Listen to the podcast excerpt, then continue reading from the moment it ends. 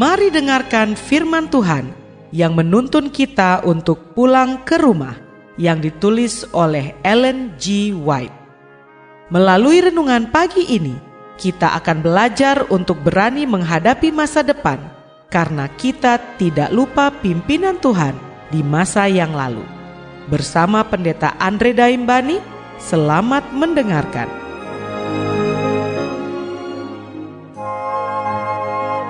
Shalom, selamat pagi saudaraku.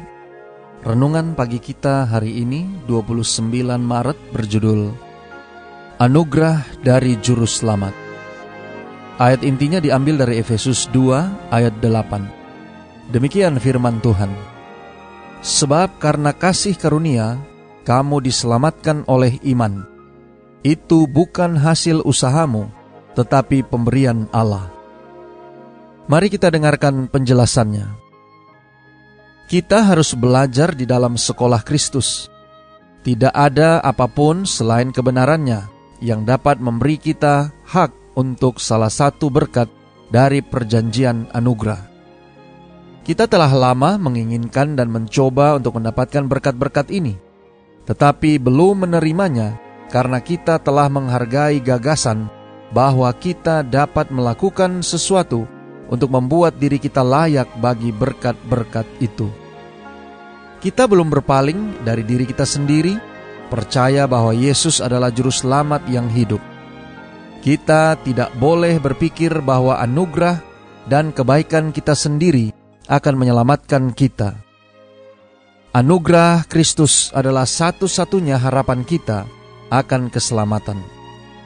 Melalui nabinya, Tuhan berjanji Baiklah orang fasik meninggalkan jalannya, dan orang jahat meninggalkan rancangannya. Baiklah ia kembali kepada Tuhan, maka dia akan mengasihaninya, dan kepada Allah kita, sebab ia memberi pengampunan dengan limpahnya. Dicatat dalam Yesaya 55 ayat 7. Kita harus percaya akan janji yang sebenarnya dan tidak menerima perasaan akan iman. Ketika kita mempercayai Tuhan sepenuhnya, ketika kita mengandalkan kebaikan Yesus sebagai juru selamat yang mengampuni dosa, kita akan menerima pertolongan yang kita inginkan. Kita melihat ke diri sendiri seolah-olah kita memiliki kekuatan untuk menyelamatkan diri. Tetapi Yesus mati bagi kita karena kita tidak berdaya untuk melakukan ini. Di dalam Dia adalah harapan kita, pembenaran kita, kebenaran kita. Kita seharusnya tidak meremehkan dan takut bahwa kita tidak memiliki juru selamat atau bahwa Dia tidak memiliki pikiran belas kasihan kepada kita. Pada saat ini, Dia sedang melaksanakan pekerjaannya demi kita mengundang kita untuk datang kepadanya dalam ketidakberdayaan kita dan diselamatkan.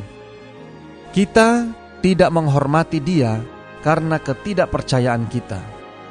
Sungguh mengherankan bagaimana kita memperlakukan sahabat kita yang terbaik, betapa sedikit kepercayaan diri kita beristirahat di dalam dia yang mampu menyelamatkan kita sepenuhnya dan yang telah memberi kita setiap bukti kasihnya yang besar.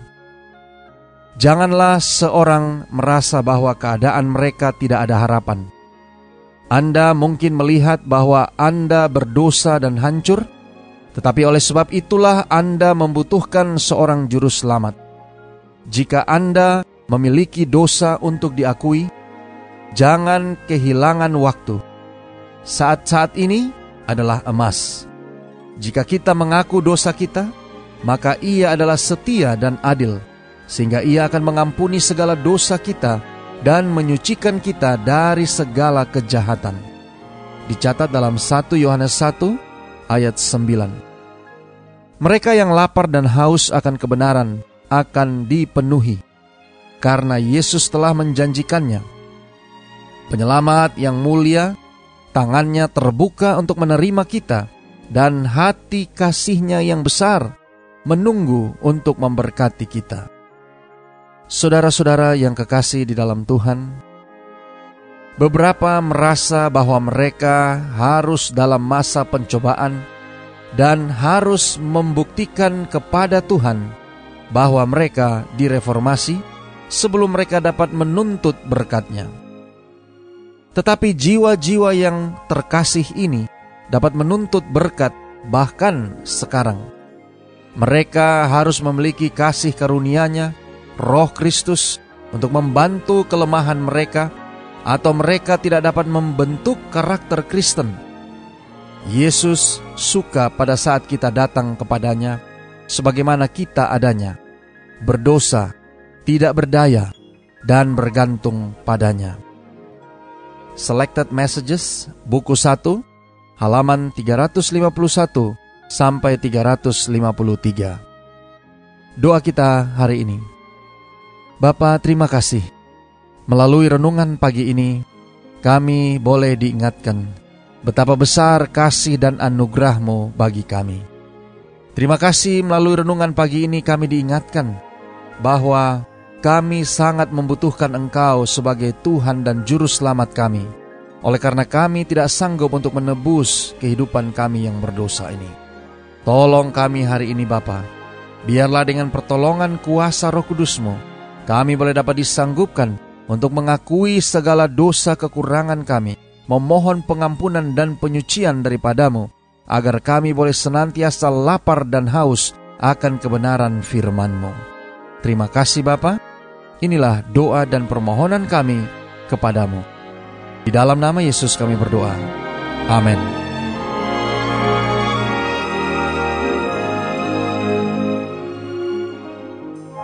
Demikianlah tadi pembahasan tentang pulang ke rumah. Semoga firman Tuhan hari ini dapat menjadi berkat bagi Anda. Sampai jumpa, Tuhan memberkati.